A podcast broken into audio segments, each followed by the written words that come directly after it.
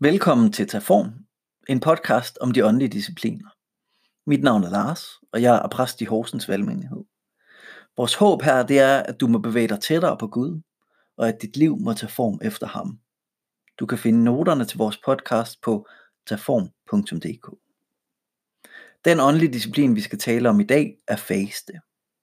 Faste er den tredje af de fire indre kristne discipliner, meditation, bøn, faste og studie. Faste er at sige nej til et naturligt behov for at opsøge en mere intens åndelig aktivitet. Vi kender til det at sige nej til naturlige behov mange steder fra. Måske tænker vi på sultestrækker eller slankekur. Men faste er noget andet. For hvor sultestrækker og slankekur er et forsøg på at få kontrol og magt enten over politik eller ens krop, så er faste et forsøg på at afgive kontrol og overgive sig til Gud. Det har været en almindelig praksis i hele kirkens historie at faste.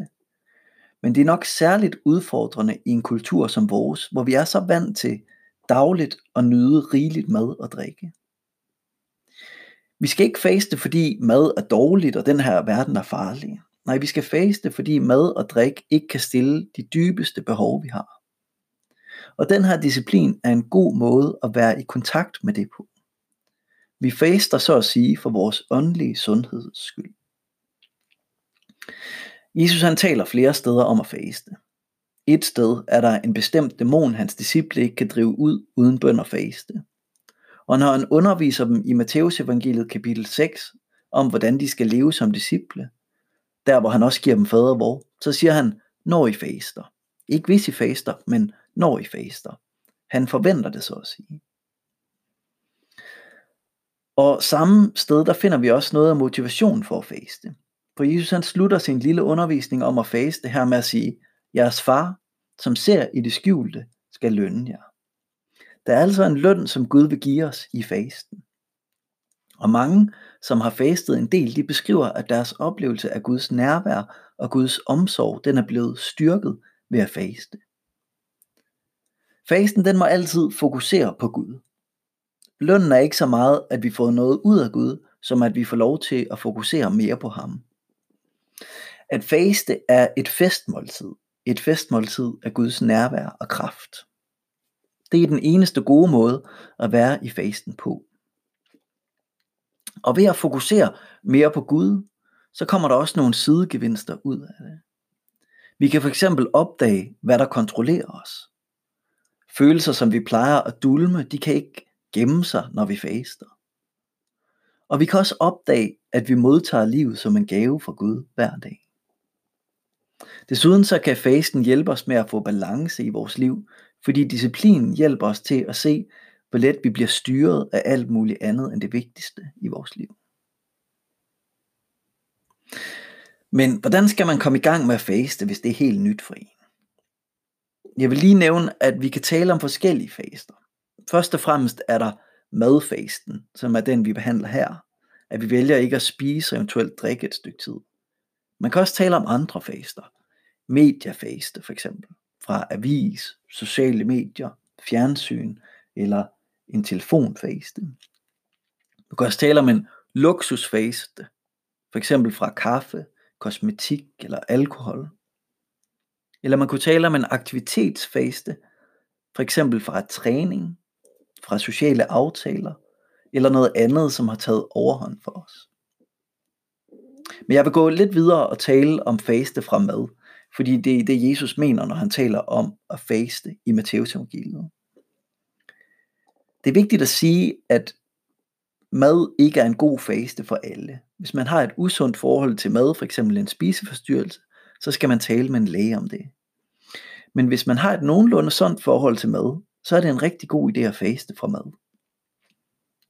Hvis du skal faste, så kan du have enten en hel eller en delvis faste. Du kan faste en hel dag eller bare noget af en dag. Du kan vælge at faste fra al mad, eller bare fra bestemte madvarer som kød, brød, slik eller noget andet. Du kan begynde at eksperimentere med at faste, hvis du oplever, at det er noget Gud han kalder dig til mere af, så kan du sætte en fast dag om ugen af, hvor du faster. Når du faster, så gør det for Gud og ikke for mennesker. Det er også det, Jesus han siger i Matteus evangeliet kapitel 6. Og det betyder, når du faster, så pas dit arbejde og gør dine pligter som ellers. Og så bær rundt på din sult som en lille hemmelighed med Gud. Det kan være, at det er nødvendigt for din familie at vide det, så er det fint. Men fortæl det kun til dem, der har brug for at vide det. Hvis du får folks anerkendelse for din faste, så vil det blive din eneste belønning. Det er vigtigt, at den tid du får, som du normalt vil bruge på at spise, at du bruger den på opbyggelige ting. Primært at bede. Hvis du gerne vil i gang med at faste, så find en god dag til det.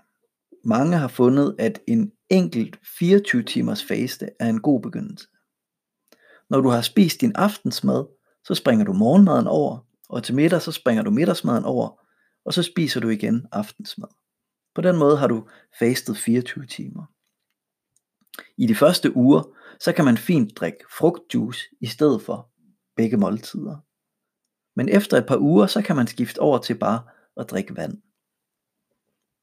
Hvis du begynder at faste på den her måde, så vil du nok opleve lidt ubehag og sultsmerter.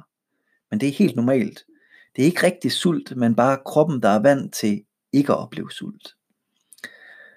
Når Richard Foster han skriver om det, så siger han, at kroppen er som et forkælet barn, og sådan et barn det har ikke brug for eftergivelse, men disciplin. Til at starte med, så vil du måske være meget opmærksom på de fysiologiske ændringer, du oplever. Men med tiden, så kan fasten blive en indre virkelighed, som du bærer rundt med dig midt i livets almindelige gøremål. Hvis du har vendet dig til at faste 24 timer, så kan du endda overveje at faste lidt længere. Måske først 36 timer, altså tre måltider. Måske senere igen et par dage. Og måske nogen skal faste mere end bare et par dage. Hvis du får lyst til at undersøge det mere, så kan du med fordel læse andres beskrivelse af, hvordan de forskellige dage opleves. Så kan du forberede dig på det på den måde. Det er sandsynligt, at en længere faste vil få stor betydning for resten af dit liv. Men igen, som alle de andre discipliner, vi taler om her, start i det små. Overvej, om du skal faste øh, fra et enkelt måltid eller en enkelt dag. Målet er at fokusere på Gud med større intensitet for en tid. Og din far, som ser i det skjulte, vil lønne dig.